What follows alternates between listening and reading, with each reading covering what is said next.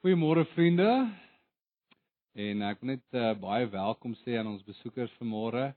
En um, ek vertrou dat julle almal saam God se seën gaan beleef terwyl ons hom aanbid en verander word deur sy woord en die werking van sy Heilige Gees. Hemelse Vader, wil vir u baie dankie sê vanoggend vir u woord en vir die werking van die Heilige Gees, Here. Here, ons vra dat u vanoggend te werk in ons sal tot stand bring sodat U daardeur verheerlik kan word en dat U vir ons U ware evangelie, Here, duidelik sal maak. En dit aan ons sal bevestig deur die Heilige Gees, Here.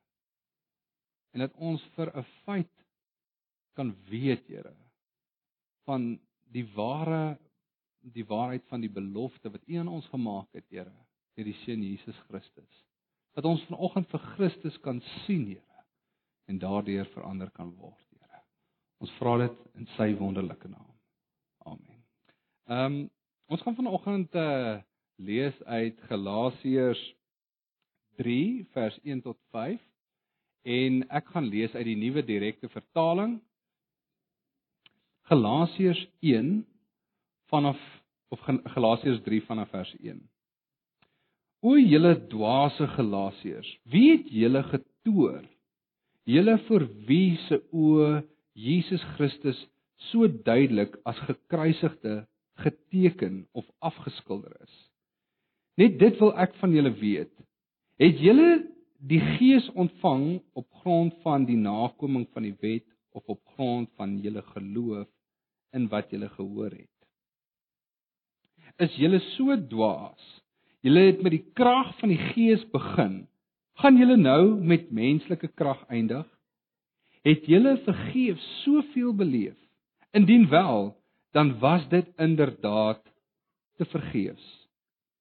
Gee hy dan vir julle die Gees en verrig hy kragtige dade onder julle op grond van die nakoming van die wet of op grond van julle geloof en wat julle gehoor het?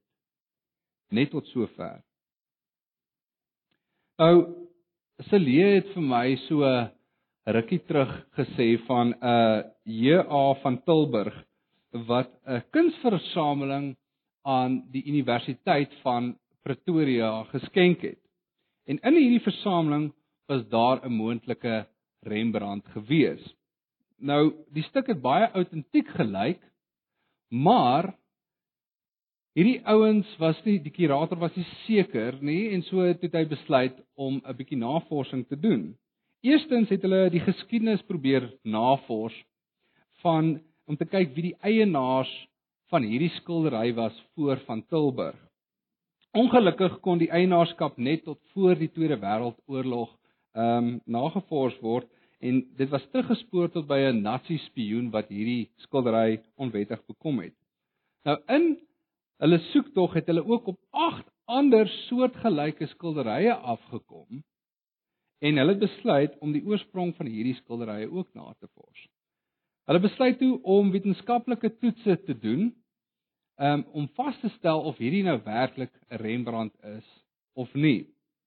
Die hout waarop geskilder was, stukkies daarvan was Duitsland toe gestuur vir ontleding en hulle bevind dat Rembrandt wel daarop kon skilder gegee die tydperk waar hy dit terugdateer en die gebied waar dit uit ehm um, uitkom. Volgende is die verf waarmee geskilder was ook getoets deur om na die werk te bekyk onder UV lig en 'n uh, ekstraal masjien. En alhoewel die ouderdom van die verf reg gelyk het en amper al die verf ehm um, wat hulle wat op die kunswerk was kon hulle sien dat dit elemente bevat het wat Rembrandt in sy verf gebruik het, was daar ongelukkig nie wit lood in die wit verf gevind nie, maar wel sink wat eers in die 1800s in wit verf gebruik is. So die gevolgtrekking was dat die kunswerk 'n vervalsing was en nie die oorspronklike nie.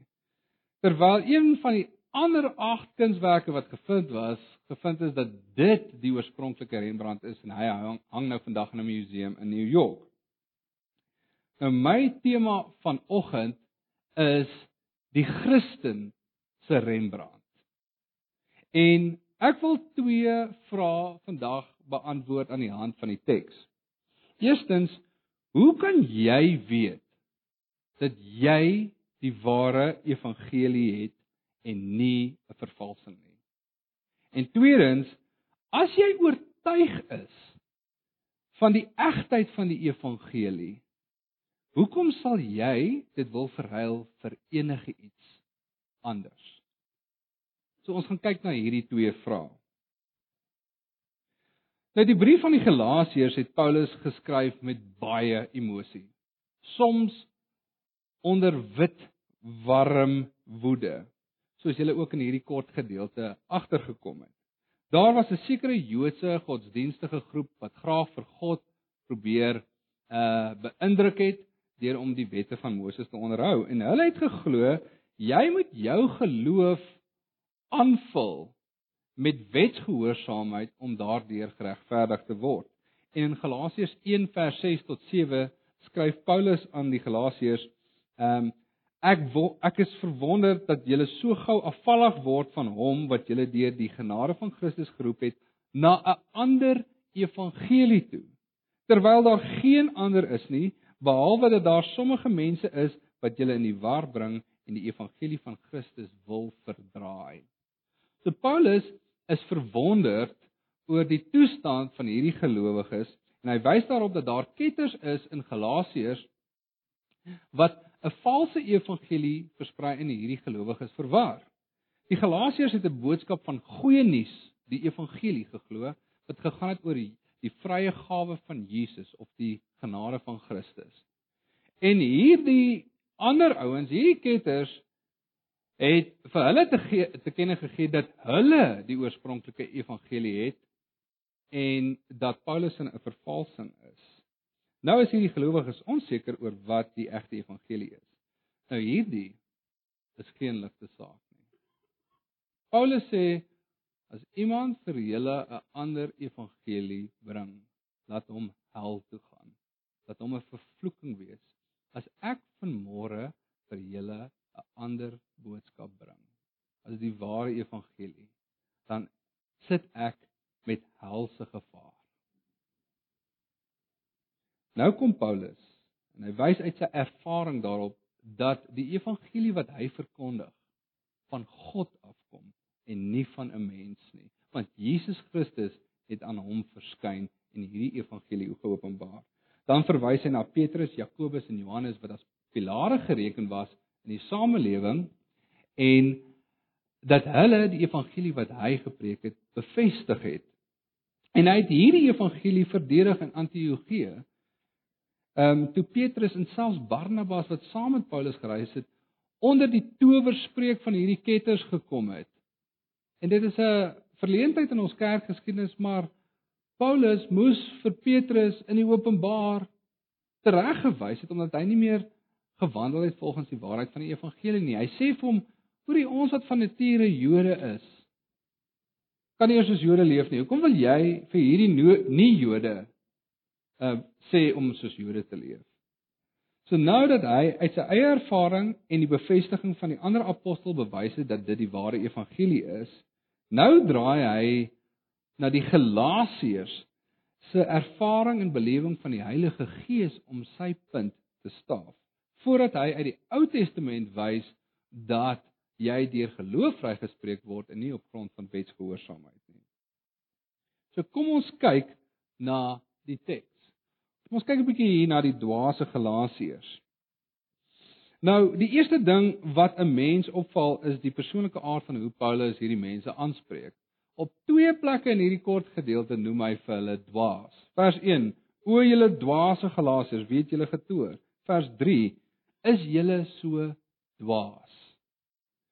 Paulus draai nie doekies om hier nie. Hier is geen sprake van enige vorm van diplomatiek nie.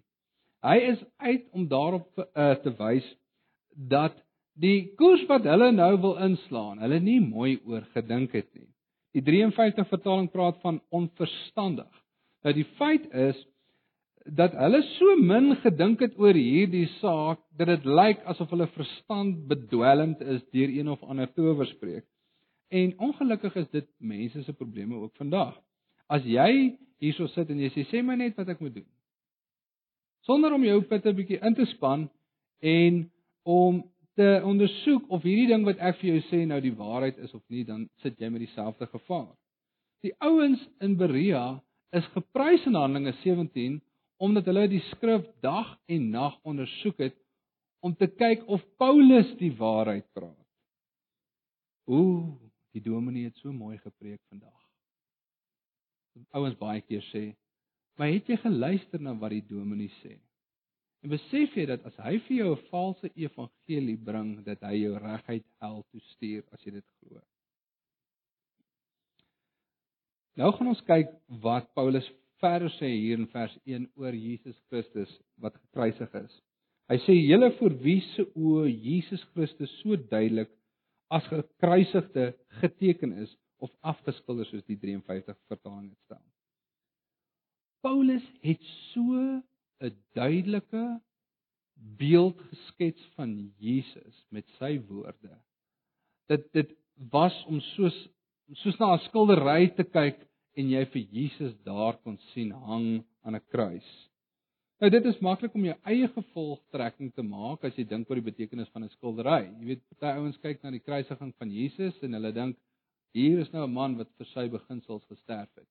Of ehm um, Jesus het vir ons gesterf want ons is so so baie werd vir hom. Maar Paulus maak nie hierdie fout om die interpretasie, die betekenis van Jesus se sterwe oor te laat aan die aan sy hoorders nie.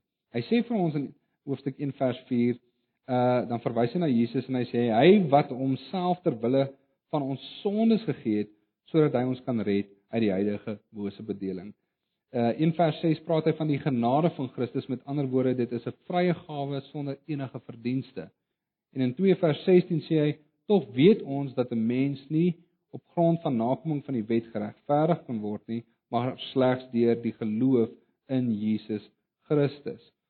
So die boodskap wat Paulus so duidelik aan hulle oorgedra het is Jesus Christus se kruisiging beteken dat hy homself ter wille van ons sonde gegee het om ons te red van hierdie bose bedeling. Dit is 'n vrye gawe van God. Dis iets wat ons nie kan verdien nie en God spreek jou vry op grond van jou geloof in Jesus Christus en nie op grond van wetsgehoorsaamheid nie. Hierdie is die Christen se Rembrandt. Hierdie is die real deal. Dit is wat van ons skatbare waarde is. Dit is waarin jy jou vertroue kan plaas in Jesus Christus as gekruisigde. Nou wat is die bewys dat dit die ware evangelie is? Skus, ek wil net gou hierso. Wat is die bewys dat dit die ware evangelie is? Nou om hierdie ouens te kry om so 'n bietjie te dink en om die mis van verwarring so bietjie op te klaar, vra Paulus vir hulle 'n paar retoriese vrae. Met ander woorde, hy soek nie antwoorde nie. Hy wil vir hulle goeters sê hierdeur. En hierdie vrae is gefokus Eerstens op hulle aanvanklike ontvangs van die Heilige Gees en op hulle tweedens op hulle vordering in volwassenheid deur die Heilige Gees in vers 3 en 4 en derdens op hulle belewing van die wonderwerke verrig deur die Heilige Gees. Nou kom ons vat eers die eerste vraag. Het julle die Gees ontvang op grond van die nakoming van die wet of op grond van julle geloof in dit wat julle gehoor het? Die ontvangs van die Heilige Gees moes so 'n definitiewe indruk op hierdie ouens se lewens gemaak het. Dit moes so 'n bewuslike ervaring gewees het dat Paulus kan terugverwys daarna om sy punt te staaf. En Paulus se argument is juist dit dat hulle nie God se seën beleef het deur om by 'n sekere groep aan te sluit in hierdie geval die Jode en sekere klomp reëls te begin gehoorsaam in hierdie geval die wet van Moses nie. Nee, hulle het die Heilige Gees ontvang nadat hulle hulle vertroue in Jesus Christus as gekruisigde geplaas het. Dit is die ervaring van elke Christen. Jy het al gehoor van John Wesley. Hy het sy lewe probeer leef volgens streng reëls en regulasies en hy het 'n hoë standaard probeer handhaaf, maar hy het geen vrede by God gevind nie. Maar een aand luister hy na Luther se kommentaar op die boek van Romeine waar Luther die hartsverandering van 'n ou beskryf eh, wat God bewerkstellig deur geloof in Christus. En hy sê toe I felt my heart strangely warmed. En ek kan hiervan getuig. Ek was en ek is ongelukkig nog tot 'n sekere mate 'n heigelaar. Maar toe ek die goeie nuus gehoor het dat Jesus sy ID vir my vrot ID geruil het, dat hy sonde gemaak is vir my sodat ek sy geregtigheid kon kry en dat die wet gegee is nie sodat ek daardeur geregverdig moet word nie, maar om vir my te sê hoe baie ek Jesus se redding nodig het, het die hemel vir my oopgegaan. Ek het vrede met God gevind en ek was ewe skielik bewus van 'n lewendige verhouding met God. So kom ons kyk nou na die tweede stel vrae wat Paulus vra. Deur om die volgende vrae te fokus, vra fokus Paulus op 'n baie belangrike aspek van ons Christelike lewe en dit is hoe jy nou as 'n Christen lewe en hoe jy hierdie wedloop gaan klaarmaak. In vers 3 sê hy: "Is julle so dwaas? Julle het met die krag van die Gees begin. Gaan julle nou met menslike krag eindig? Het julle vergeef soveel beleef? Indien wel, dan was dit inderdaad te vergeefs." So wat hierdie Joodse sekte geleer het, is dis great as jy met geloof in Jesus Christus begin het. Ek meen dit is great. Maar nou moet jy jou sokkies begin optrek. Jy moet 'n bietjie jou kant begin bring en hierdie reëls begin gehoorsaam. En Paulus wys deur sy vrae aan die Galasiërs die inkonsekwentheid van hierdie valse evangelie. En julle begin deur die Heilige Gees, gaan julle nou wragtig in julle eie krag klaarmaak van die vraag in sigself wys die dwaasheid van hierdie ding wat hulle wil doen. Hierdie valse evangelie trek 'n streep deur die werking van Christus aan die kruis en dit trek 'n streep deur die Heilige Gees se werking in hierdie gelowiges se lewe. Dit weerspreek dit. Nou ek wil net 'n opmerking maak oor die begrip uh menslike krag. Nou verseker is dit die gedagte hier, maar die woord wat eintlik gebruik word is die vlees. En ek dink dit is belangrik want Paulus ontwikkel hierdie gedagte van die vlees later aan in die boek wanneer hy die gees en die vlees met mekaar kontrasteer en die gees begeer teen die vlees sodat jy nie kan doen wat jy wil nie. En die werke van die vlees is dit dit dit dit, dit en die gees se vrug is dit. Alraai, so nou kom Paulus en hy sê in hoofstuk 5 vers 5, maar ons ons verwag deur die Gees en op grond van die geloof die vryspraak waarop ons hoop. As jy eendag voor die regterstoel van God verskyn, wil jy hierdie woorde hoor. Regverdig. Vrygespreek. Dis wat jy wil hoor. En die enigste manier hoe jy dit gaan hoor. Ons moet dit hoor vanmôre. Is deur die Gees en nie deur die vlees, nie deur jou eie krag nie. En op grond van jou geloof in Jesus Christus, nie op grond van enige vorms van wetgehoorsaamheid of reëls wat jy onderhou het nie. As jy met die ehm, gees begin het, maar jy wil nou met die vlees eindig, dan gaan Christus niks vir jou baat nie. En die ontvangs van die Heilige Gees was te vergeefs. Hoor wat sê vers 4. Lees dit mooi en stadig, laat dit insink by ons. Nou die laaste retoriese vraag gaan oor ons belewing van die Heilige Gees se wonderwerke in ons lewens, soos genesing, die uitdryf van duiwels en soms bonatuurlike verandering van ons omstandighede wat die Heilige Gees te werk bring.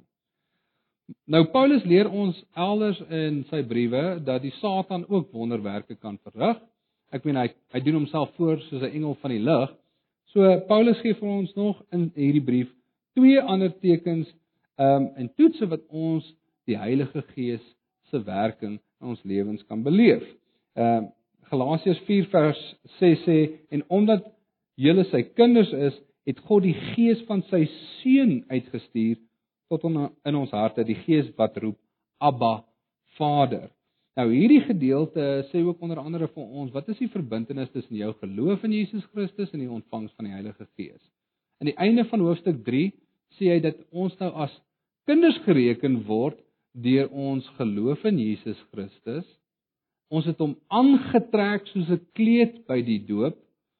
Ons word nou as een gereken. Ons is nie meer slaafvry, man, vrou, Jood of Griek nie. Ons is een met hom.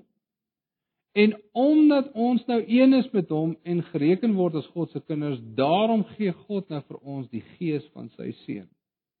So hy bevestig in ons harte dat ons kinders van God is.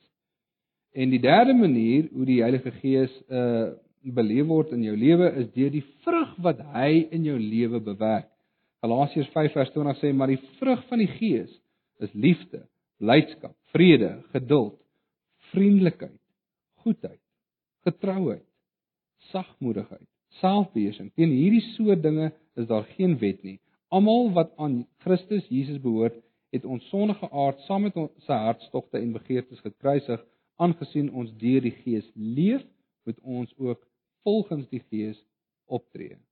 Nou dit is die Heilige Gees wat Jesus se karakter kenmerke, sy eienskappe in jou lewe inwerk van liefde, blydskap, vrede, geduld, vriendelikheid, goedheid, getrouheid, sagmoedigheid en selfbeheersing. Maar let wel, al hierdie belewing is deurdat jy die evangelie glo. Deurdat jy die boodskap glo van Jesus Christus wat vir jou gekruisig is. So kom ons som dinge nou 'n bietjie op hierso. Ons het nou gesien wat die ware evangelie is en wat die vervalsing is. Ons het gesien wat die toets is van die ware evangelie, met ander woorde die ontvangs van die Heilige Gees en die konstante werking van die Heilige Gees deurdat jy jou geloof in die ware evangelie plaas. En nou wil ek dit bietjie nader bring aan ons lywe. Ek wil nou vra, as jy dan oortuig is van die egtheid van die evangelie, hoekom sal jy dit vir enigiets anders wil verruil? Ek meen, dit is absolute dwaasheid om iets van so 'n groot waarde wetend te verruil vir 'n feit. Maar vir een of ander rede word ons nog steeds hiermee versoek. Nou ek moet voor julle erken dat ek al baie in hierdie slaggat getrap het, maar ek is so dankbaar vir die herder wat sy staf om my nek hang elke nou en dan in my weg pluk van daardie gevaar maar dit bly nietemin gevaarlik. Nou ek dink ek kan dink aan vier redes wat Paulus in Galasiërs uitlig hoekom ons so 'n stupid ding sal wil doen. Eerstens, intimidasie. Ouens wat die fake evangelie verkondig het, is baie intimiderend. Ek meen, hulle het vir die Petrus wat in Jesus se binnekring was, Die een vir wie Jesus gesê het op hierdie rots gaan ek my kerk bou, hulle het vir hom geïntimideer. Hierdie is manne met ander woorde wat lyk soos Christene. Hulle ken die Bybel baie goed. Hulle is ywerig en 10 teen 1 is hulle gladde bekke met baie charismatiese persoonlikhede wat jou sal gemaklik voel en jou sal oortuig van dit wat hulle sê. Hulle is mense wat baie godsdienstig voorkom en wie jy deur 'n ring kan trek. Maar ons moet oppas dat ons mense nie op 'n pedestal plaas omdat hulle etlike doktorsgrade agter hulle naam het of omdat hulle welsprekend en charismaties is nie en om, omdat hulle sulke gestrenge lewens leef. Ek meen hy het nie eens 'n TV in sy huis nie. Nou dit is ongelukkig die dinge wat ons van nature beïndruk. Moenie kyk na die persoon nie. Luister na dit wat hy sê. Toets dit wat hy sê teen aan die skrif soos wat die ouens in Berea gemaak het. Te kyk of hierdie ou die waarheid praat. Tweedens, onverstandigheid. Nou soos hierdie Galasiërs dink ons nie altyd baie mooi vir ons ietsie so soetkoek opvreet nie. As iets baie keer 'n Christelike plakker op het, dan sluk ons. Wat byvoorbeeld hierdie storie van Christene wat bloedlyn vloeke kan hê. Sommige ouens verkondig dat die rede hoekom dit nie finansiëel goed gaan met jou nie, omdat jy probleme het met die verhoudings in jou lewe of dalk uh ongesteld is, is omdat daar iewerste in jou voorgeslagte hierdie bloedlyn vloeke is. Nou vra ek vir mense wat hierin glo, waar lees jy dit in die Bybel? En dan sê hulle vir my wel daar staan geskryf dat God die sondes van die vaders besoek aan die kinders en aan die kindskinders aan die derde en die vierde geslag. En so, dit staan geskryf in Eksodus 20, maar het jy 'n bietjie gedink aan die implikasie van dit wat jy sê? Ek meen, wie is wie is dit wat die sondes van die vaders besoek aan die kinders en die kindskinders? Dis God. Wie is dit wat sy seun gegee het en sy Heilige Gees uitgestort het? Dis God. Jy sê Jy glo in Jesus, jy is vervul met die Heilige Gees, maar jy gaan gebuk onder hierdie bloedlyn vloeke. So wil jy nou vir my sê met die een hand seën God jou, maar met die ander hand klap hy jou. Luister jy nie wat die evangelie sê nie? Galasiërs 3 vers 13. Christus het ons vrygekoop van die vervloeking van die wet toe hy vir ons vervloek is. Want daar staan geskryf vervloek is elkeen wat aan 'n hout hang. As jy in Christus glo en die Heilige Gees ontvang het, het Jesus jou vrygekoop van die vloek van die wet, want daai wat uit Eksodus 20 kom, is die vloek van die wet. Hy het jou vrygekoop daarvan.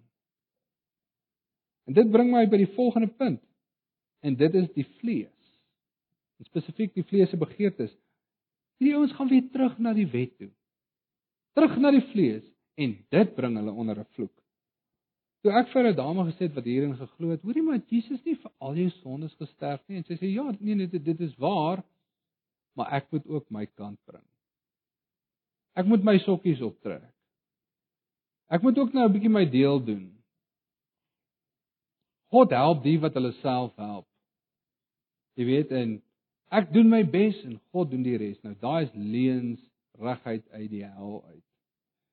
Hierdie veronderstelling van hierdie valse evangelie is dat dit finansiëel met jou moet goed gaan. Dat jy gesond moet wees. Dat jou verhoudings moet alright wees. Het jy al gehoor dat ouens vir jou sê dis 'n feit dat jy siek is? En dit kom uit die Christenkringe uit. Dis 'n feit dat jy siek is, maar dis nie die waarheid. Dan vra ek nou vir hierdie ouens. Het die waarheid dan niks te maak met die realiteit nie? Ek meen hierdie is mos twakdraadjies. Jou vlees soek eerder gemak as lyding.